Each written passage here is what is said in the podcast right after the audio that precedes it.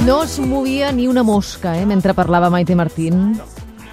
Queco, quina Ni- cosa, eh? ni una mosca. Ni, Hola. res, bon, dia, bon dia. Bon dia, bon dia. Com es fa escoltar, com fa vibrar, com fa sentir, com no, no, tot, eh? jo en aquests moments em sento un afortunat mm, per haver sigut víctima de la Maite Martín. Víctima. O sigui, a mi m'és igual que la Maite Martín m'hagi pres uh, minuts de secció. Al contrari, m'omple d'orgull. És que... Ah, és a dir, a mi un dia la Maite Martín em va robar minuts de secció. Podràs dir Això no ho pots explicar No, no, no, això no, no pot dir tothom. No, No, no, és tothom. meravellós, No, meravellós, un meravellós. regal. Un Però va, regal. anem al grano ah, perquè- Sí, anem, anem a buscar la, la diva que ens portes Perquè avui a la sí, nostra col·lecció. Sí, sí, sí, sí. Ja la penúltima, eh, de la, Sí. de la col·lecció. Avui, eh, avui porto la primera icona femenina del rock. La primera diva eh, d'aquest gènere, un símbol femení de la contracultura dels anys 60, del moviment hippie, i la primera dona considerada, a banda de, a banda de ser-ho, diguem, una gran estrella del rock. Avui ens visita Janis Lane Joplin, coneguda planetàriament com Janis Joplin.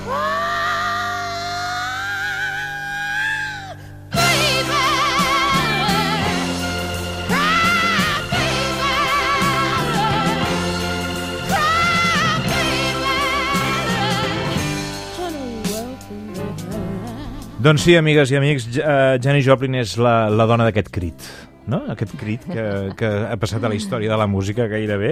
I de totes les divas que hem fet aquest curs, jo crec que és segurament la que va arribar a la- a l'altar de les deesses, diguem, amb una carrera més curta. Per què? Perquè va morir als 27 anys.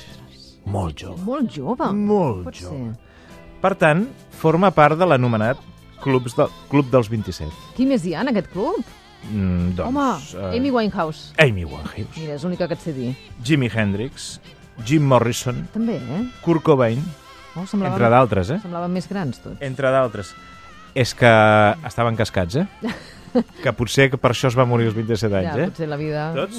va anar més ràpid amb ells. Tots aquests que hem dit és un grup d'homes i dones que mm, han donat peu a... Això del Club dels 27 ha donat peu a, a mil i una teories, eh, algunes en la línia del terraplanisme i ens fumiguen, diguem, sobre el fet que tots, tota aquesta gent, tots aquests artistes morissin a la mateixa edat.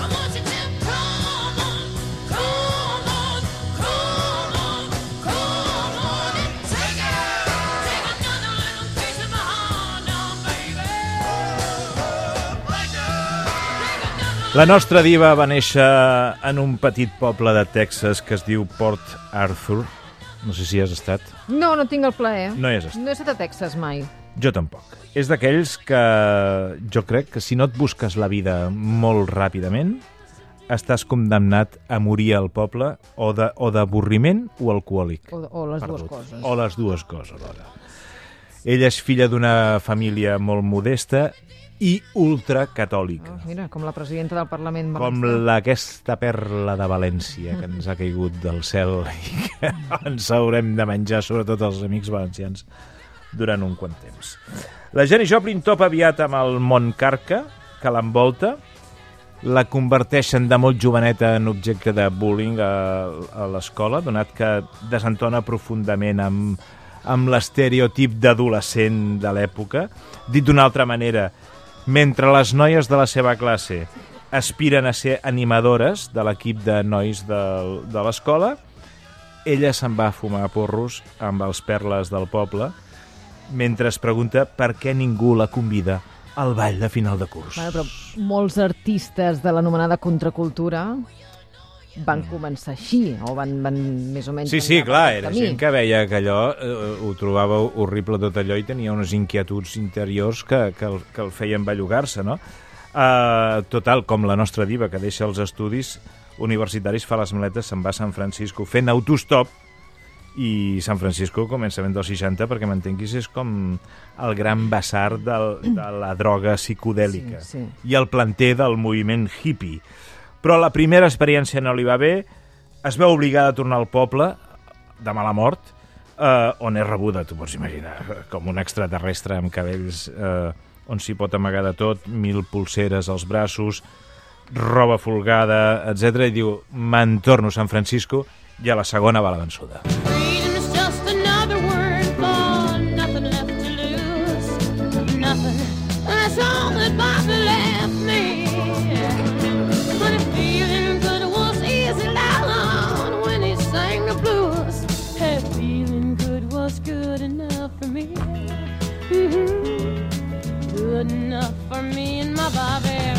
La Janis Joplin torna a Califòrnia amb bona base ja per sentir-se a gust, és a dir, pot formar una banda, té una bona xarxa de camells i disposa d'un acord de mans que faran que mai passi gana. O sigui, té, té tot el que necessita. Exacte, perquè ella, Música, droga i sexe. si una cosa té, és que es drogava sense límit i li agradava el sexe com si no hi hagués demà. És una, una rockera clàssica, no? O sigui, estem, allò De dels, manual. eh, és avançar-se en el temps molt abans d'allò del sexe, droga i rock and roll. Ella s'ho inventa 10 anys enrere.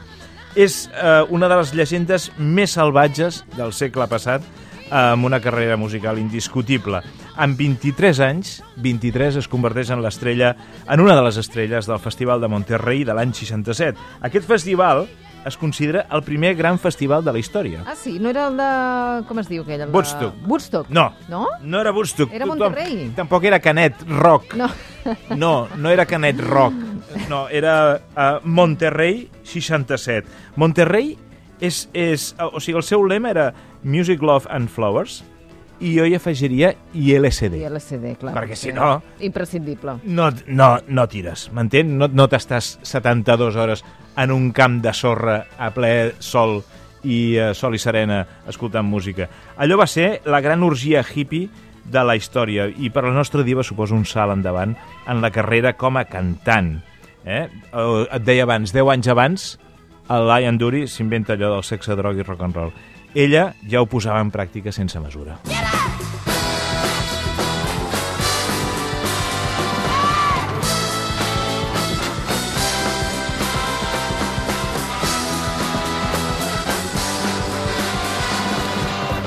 Molts biògrafs han intentat explicar mm, el perquè d'aquesta voracitat sexual i narcòtica de Janis Joplin i només hi troben aquella adolescència horrible que va patir en el seu poble de Malamor.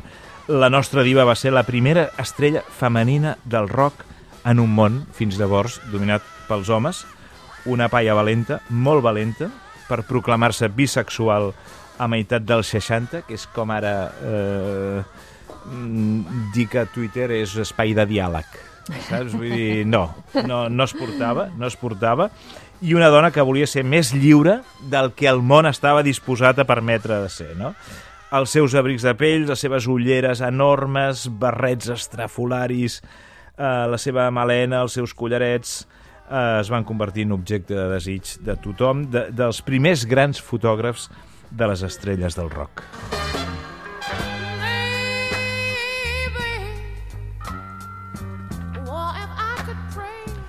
Però aquell ritme, és evident que aquell ritme de vida és insuportable. No es pot aguantar. No es pot, Tenia data de caducitat, això. no es pot aguantar.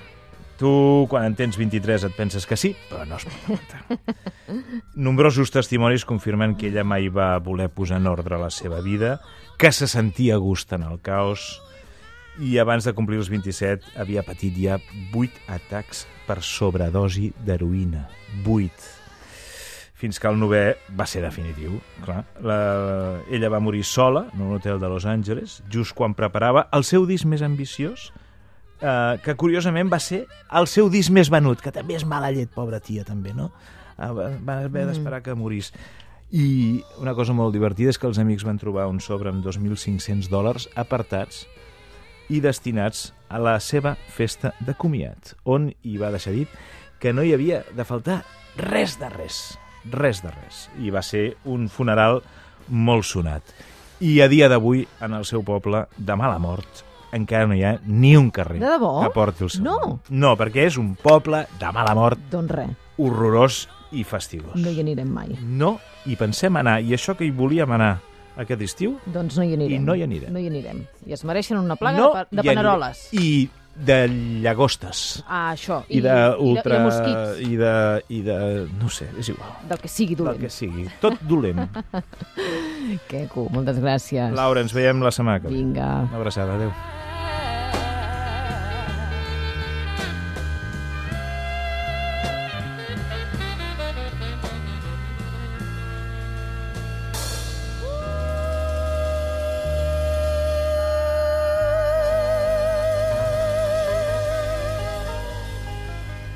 El matí de Catalunya Ràdio.